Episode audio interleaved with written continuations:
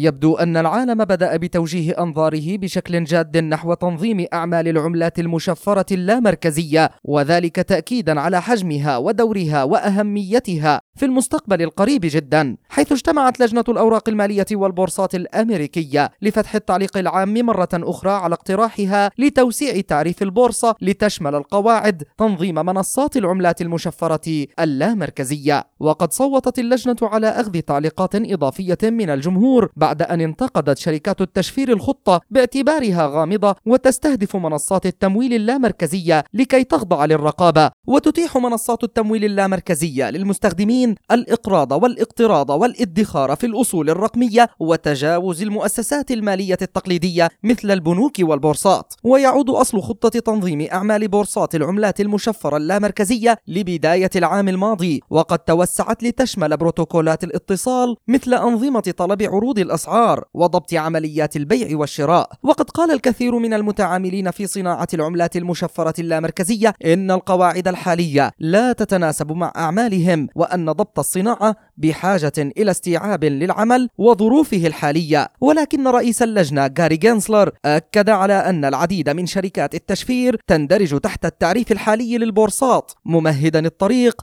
نحو تسريع الخطى لاستيعاب صناعة تقدر بمئات المليارات من الدولارات. مجد النوري لشبكة أجيال الإذاعية.